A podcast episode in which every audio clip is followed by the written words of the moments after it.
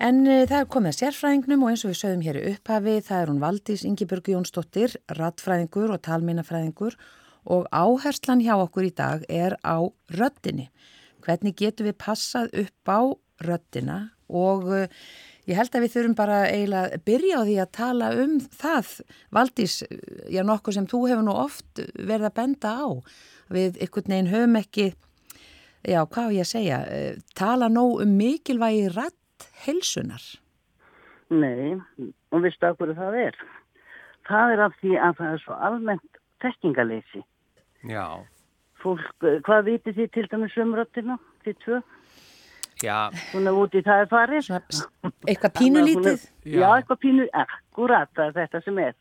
En samt er þetta aðunntæki, þetta er aðunntækið ykkar, þetta er aðunntækið mitt. Já og uh, þetta er líka einar stóðum uh, lífsgæða. Því hvernig væri við stöttum við hefum ekki rödd. En það sem er villandi í þessu er það að við erum alltaf að tala um rödd. Og rödd er hljóð. Og hljóð sem slíkt bilar ekki. Hljóð er afrakstur af einhverju. Þannig það er miklu næra að tala um röddfæri sem að framleiða röddina. Já. og þar likur vandamálið. Já, það eru röddböndin ekki bara rappböndin heldur all það kerfi sem í raun og veru rappböndin verða alltaf fórnalöndin þau eru svona það sem við þekkjum einna helst til. En það þarf náttúrulega eitthvað til þess að reyfa rappböndin ekki sagt og þar eru fullt af vöðum og, og vöðafestingum og öðru slíku sem þar er að verki mjög flókið en samt í hilsinni einfast þegar maður þarf að hugsa út í það. Og það er þar sem að eitthvað gerist að við yfirspennum rödd, við leggjum á mikið á hana, uh, við erum að, að til dæmis að syngja í vilsi uh, tónhæð og svo framvegis og framvegis. Mm. Þetta er nákvæmlega það saman sem allt annað í líkamannum að ef að við gætum ekki hófs, þá hefnir það sín. Já. Nú lenda, já það eru nú, sko eins og við vorum að tala um við Gunnar, það eru svo ótrúlega margir sem ég hafa atvinnu af röttinni og hann er bara já. öll kennara stjettin eins og hún leggur sig og þar Nákvæmlega einmitt, ég hefur margur komist í vanda með, með röttina og nú er farið að magna upp hljóðið í sumum já, skólum. Já, Finnst þér það, það til bóta? Ætti að vera skilda vegna þess að við mögum ekki gleyma einu að við erum svo blinda á eigin rött og röttgæði af því við heyrum þetta inn í okkar eigin kolli. En við höfum ekki hugmyndum að hvernig eða hvort og ákveðt hátt röttin best til annara og það sem að kennurum er gert svo erfitt fyrir að þeir þurfa, og ég tala ekki um börnin, þannig að nú koma þeim betur undir, undir skópið eins og við getum sagt, að það sem er, er í þessu er að kennararnir eru settir í aðstæður sem að eiginlega er gefið að kemur til með að skafa, eða koma til með að skafa röttina. Það sé að tala í háfaða og mikið til fjallað frá nefnundum. Þess vegna er það að uh, eh, magnarakerfi sem slíkt það sér til þess að rödd kennarans best og að hún, þannig að það verður svona átaka löst sem það gerist. Já. Og það er svo skrítið með það að til dæmis eins og leikarar, söngvarar og í aðri skólum eða skólum á, fyrir nefnundur á, á hérna sem eru eldri háskólar og annað, að þar er komið magnar kerfi en ekki fyrir grunnskólan þar sem það þýtti virkilega að vera. Já, þetta sem... á að vera skilta. Já, Já þannig að kannski mest, mest í háfaðin einmitt í, í grunnskólanum. Nákvæmlega, það er með þess aðstæð sem við þetta fullandi hólk treystum okkur ekki til þess að, að hlusta eða einbytt okkur í. Þannig að við erum að tala um jápil bara í skólastofu sem er nú ekkit sérstaklega stór Þar þyrti að vera hægt að magna upp röddkennarana. Nákvæmlega, Já. nákvæmlega. Rödd, vegna þess að það er þarna líka hávæði, þetta myndast hávæði af uh, bara þeim sem eru í skólastofunni þess, ég vil kalla erilsáa, það sé bara þessi hávæði sem að manneskjan sjálf uh, gefur frá sér, hvort sem það er úr munni eða aftöfnum. Og þetta er hávæði sem er óvæntur maður veit aldrei hvernig, hvernig hann hafa sér eða hvernig hann kemur. Og, og það er þessi háaði sem er svo erfitt að fást við. En þetta er menningaradrið það er einhver öskur menning finnst mér í gangi. Sem að, að fólk, og það kemur þekkingleysið sem að fólk þarf að skoða miklu betur vegna þess að með því að vera öskra, þess öskra, að þá reynir um of á þessi ágætu rappund okkar sem verður til þess að við getum átt á hættu að missa röttina og hvað er við stöld þá? Já, en, en nú sko snýst þetta hlítur líka að vera um rattbeitinguna eins og núna við, Guðrún erum, hún er söngkona og ég er leikari Já, þannig að við höfum lært rattbeitingu er, er ekki kent nógu víða rattbeiting? Nei, það, og þarna ertu aðeins komin upp á aðra hæðhúsin sem við getum sagt svo vegna þess að ég sem rattfræðingur eða hvað við hún og kalla mig ég er, er nefnduð sem sjúkraþjálfu á mínu sviði og það er það sem að þið hafið sennileg ekki heldur fengið nægilega upplýsingar um hvernig líffræðin er sem er þarna á bakvið og hvað það er það sem við þurfum að passa okkur og venda. Það er ekki nóð verið bara með rættbeitingu á rödd sem ekki er í lægi. Já.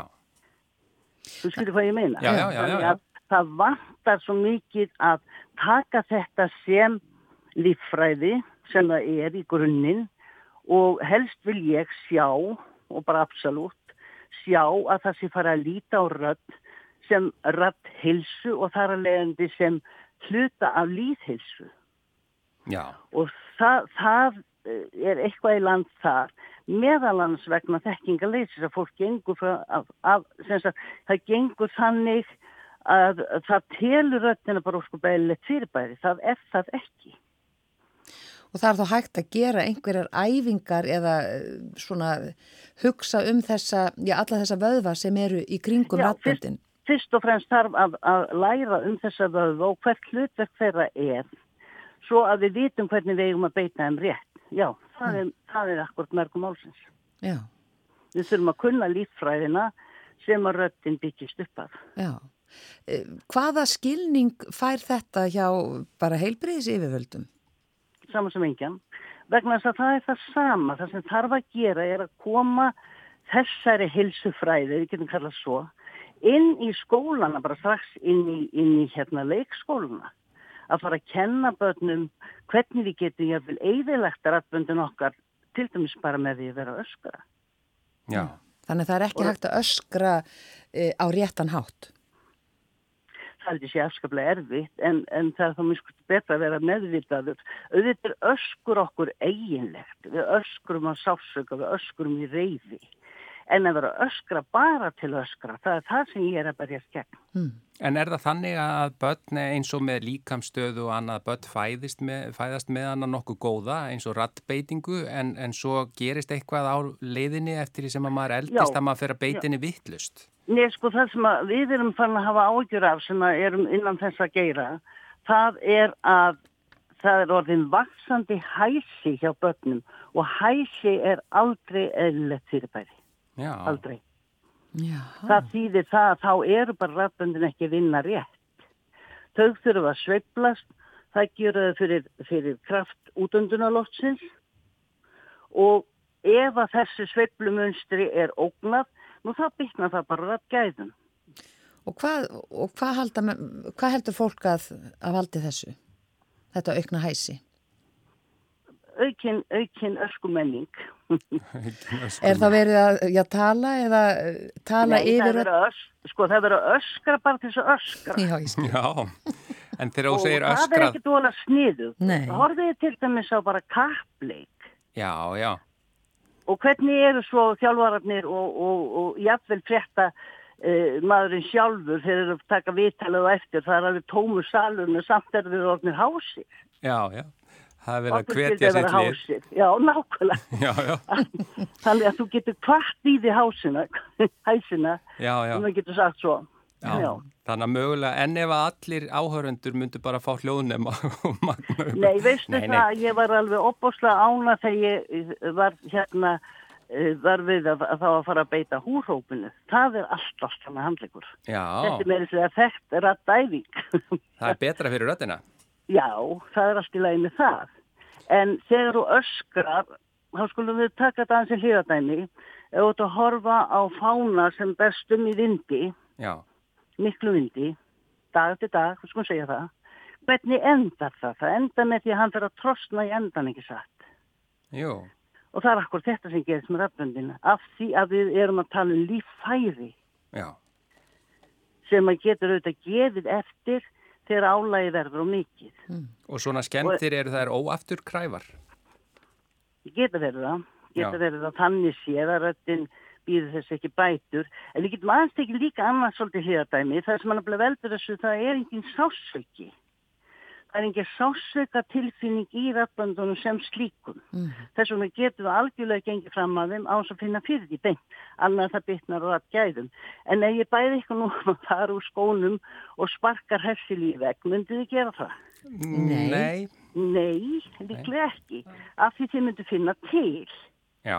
En það er akkur það sem þeir eru að gera í öskri eða misbeiting og rötti, rött, rött, röttum að það er að mis sagt, það er að mistyrma þeim bara finlega já, já, já.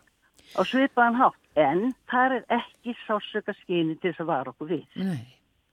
þannig að já, þetta er, þetta er og svo verðum við bara hás já, og svo verðum við bara hás og höldum að þessi bara eðlert og getum bara að fara heim og, og þagað og annað í þeim dúr en ef að hæsin hefur orðið vegna þess að við erum að misbeita röttinni þá segir það sjálf náttúrulega því ég get fara bara heim og kvíla röttina og mæta svo aftur og halda áfram að, að misbeita rött. Mm.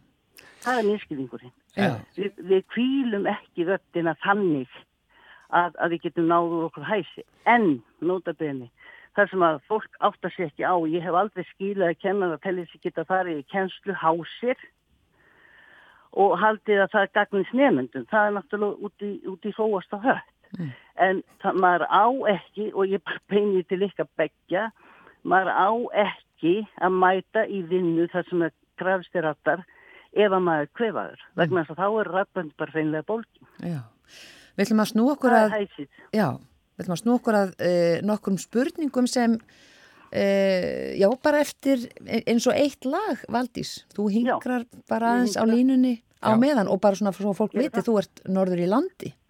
Nákvæmlega. Já, já, svo fá spurningar sem að uh, hlustendur sendu þér. Já, Þannig að já. hér er eitt lag með Megas. Svo höldum við áfram. Já. Valdís Jónsdóttir. Já, takk.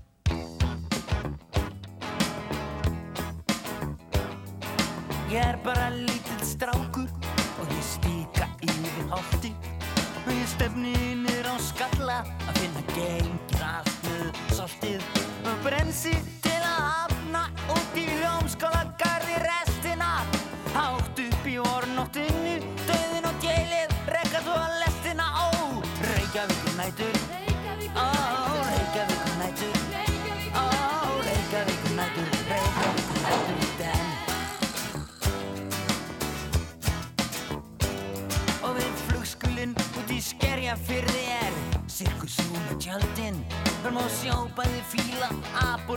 og ég byrð línu dansar á kvöldinn Og í vassmjörinni þar er tífóli Og það kostar krónu inn. En það kannski maður reynað svindla sér. Hann drefur okkur varðurinn Ó, Reykjavík nættur Ó, Reykjavík nættur Ó, Reykjavík nættur Reykjavík nættur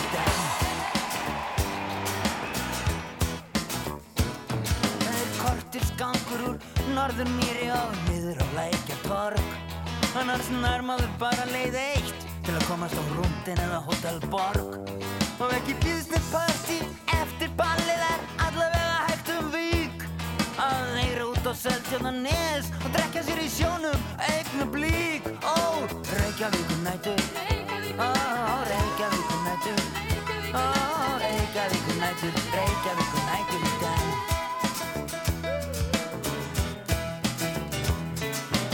Skotbyrgin upp í öskuhýðinni þau heitla lítinn snáða Við höldum til á bannsvæðanum og ferður helst að fá það.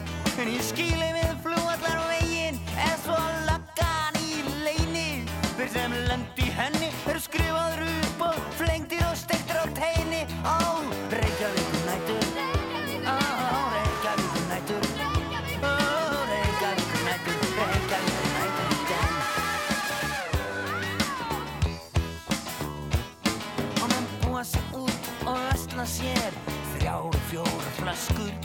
þau er kannski fimm og vefji teppi og pakka svo annir skóla taskur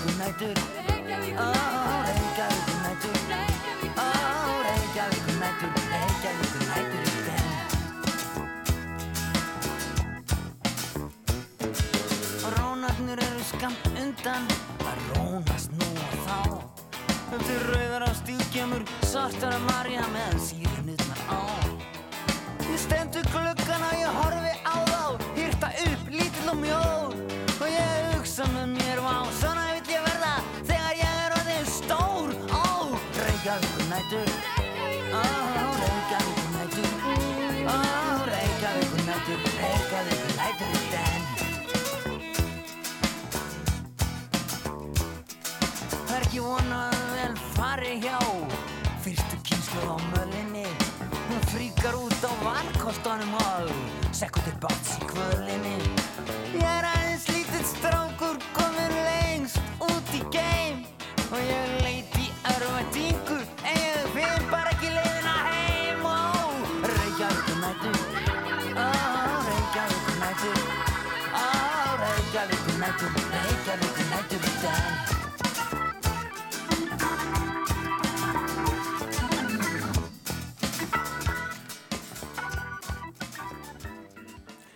Já, þarna var nú heldur betur rattbeiting, þetta var Megas og, og þær sýstur Inga og Björk Guðmundstætur, Reykjavík og Nætur. Við erum auðvitað með sérfrængin á línunni en það hann að valdísi e, Jónsdóttur, Ingi Björgu Jónsdóttur. Sem er e, rattfræðingur og talmennafræðingur og við er e, áherslan hjá okkur er einmitt á röttinni og við ætlum að snú okkur að spurningunum. E, Svo fyrst það er hljóða svona, af hverju verður maður hás, einmitt þú svo sem útskýri það vel hérna á þann en alltilega fara bara yfir það svolítið aftur. Um, einhver sagði mér að rattböndin verði ekki þreytt heldur bara maður sjálfur og þá byrjir maður að spenna sig upp vegna þreytu. Hvað segir? Þetta er svona hluti að dæmi, jújú. Jú. Neini, þetta er ekki rétt vegna þess að, að það er eiginlega öfugt. Við höfum þreytt af því að beita röttinni vittlaust og það er fyrst og fremst það sem við gerum. Við beitum henni vittlaust, þar með erum farin að ofreina á þetta kerfi sem við kollum rætt kerfi, en það sem ég vil koma hérna sem ég kom ekki að á það sem er alltaf merkilegt, að talkerfi þarf að segja munurinn, tungan, kinnar, varir, kjálki, að tungan er tengt, fast tengt við málbeini sem er efstabeinið í þessu brjósk samfélagi sem við kvöllum barkakíli og þar eru rappöndin inn í og það er þreytan í talfærunum sem þetta byrjar allt á. Að ef að tungan þeirra þreytast mjög mikil þá leggst hún eins og slitti og ná, og ná hérna þetta blessaða málbein.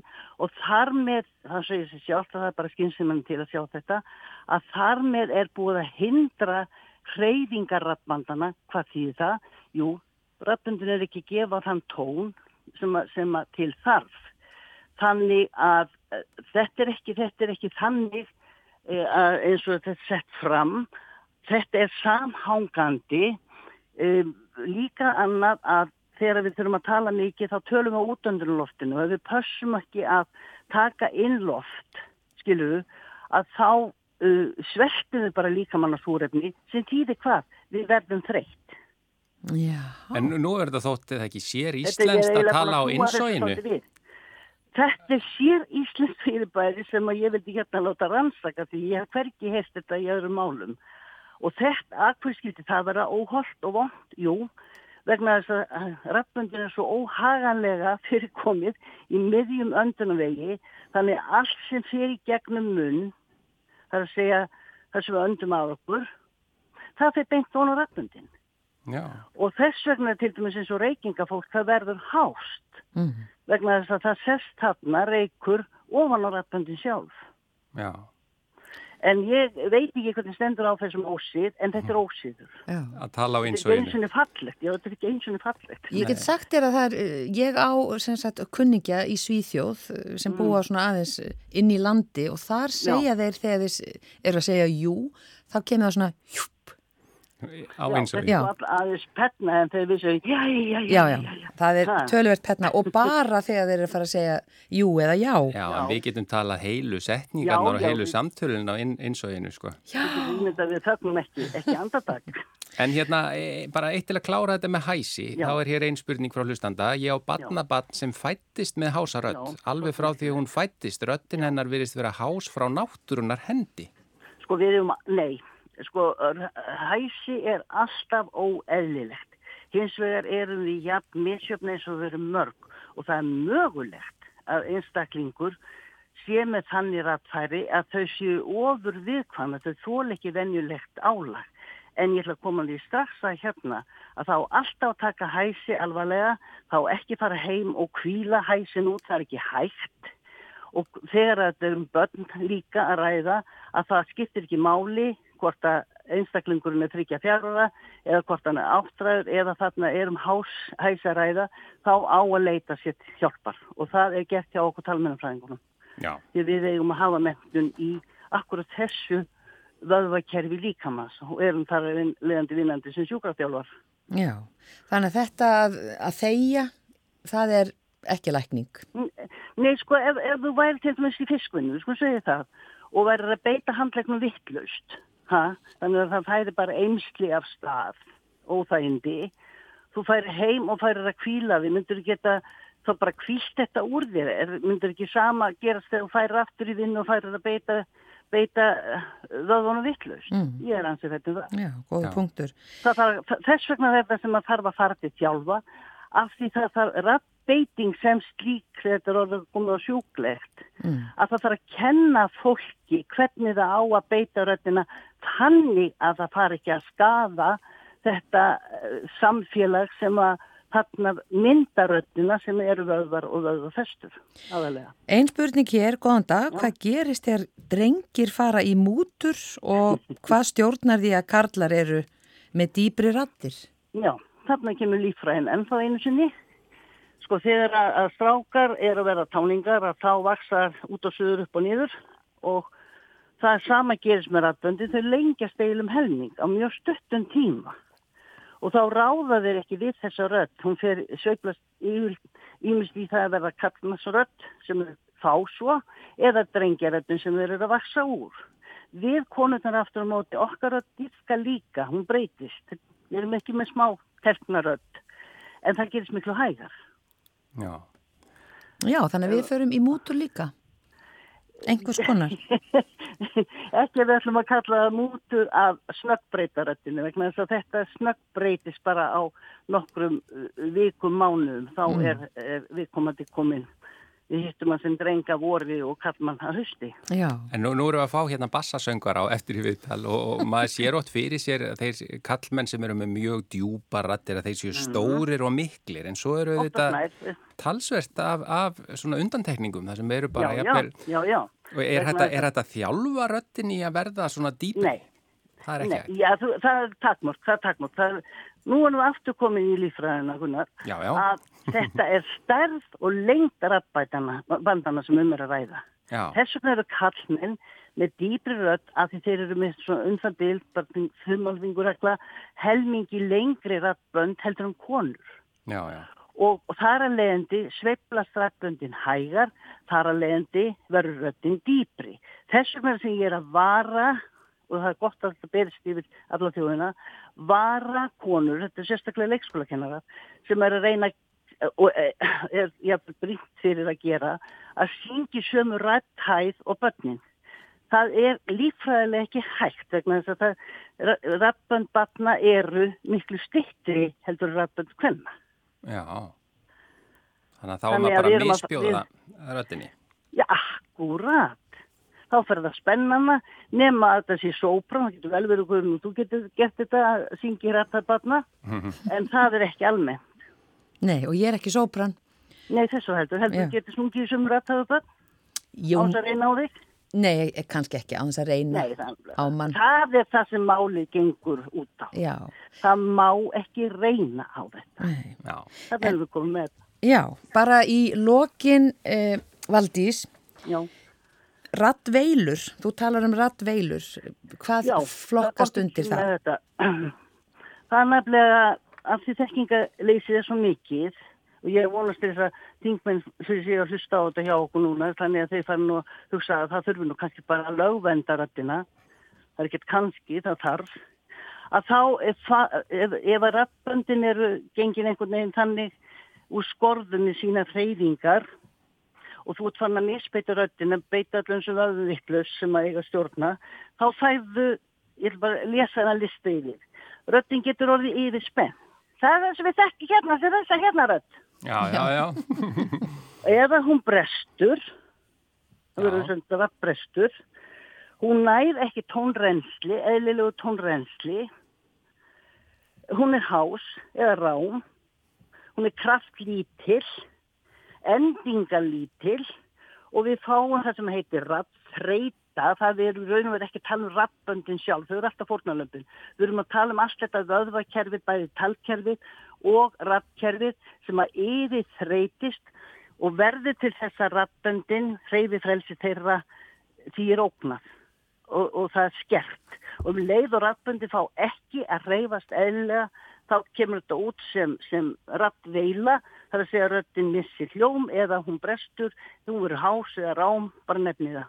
En þarna er þekkingarleis svo mikið að fólk vilt sundum og oftar en ekki hengja þetta á þann snaga að þessum ofnæmi eða, eða asmaræða. Það er það ekki. Mm. Það getur verið það. Já, já. já, já. Vegna þess að þetta er svona sveipuð einkenni að mörguleiti. Mm, mm.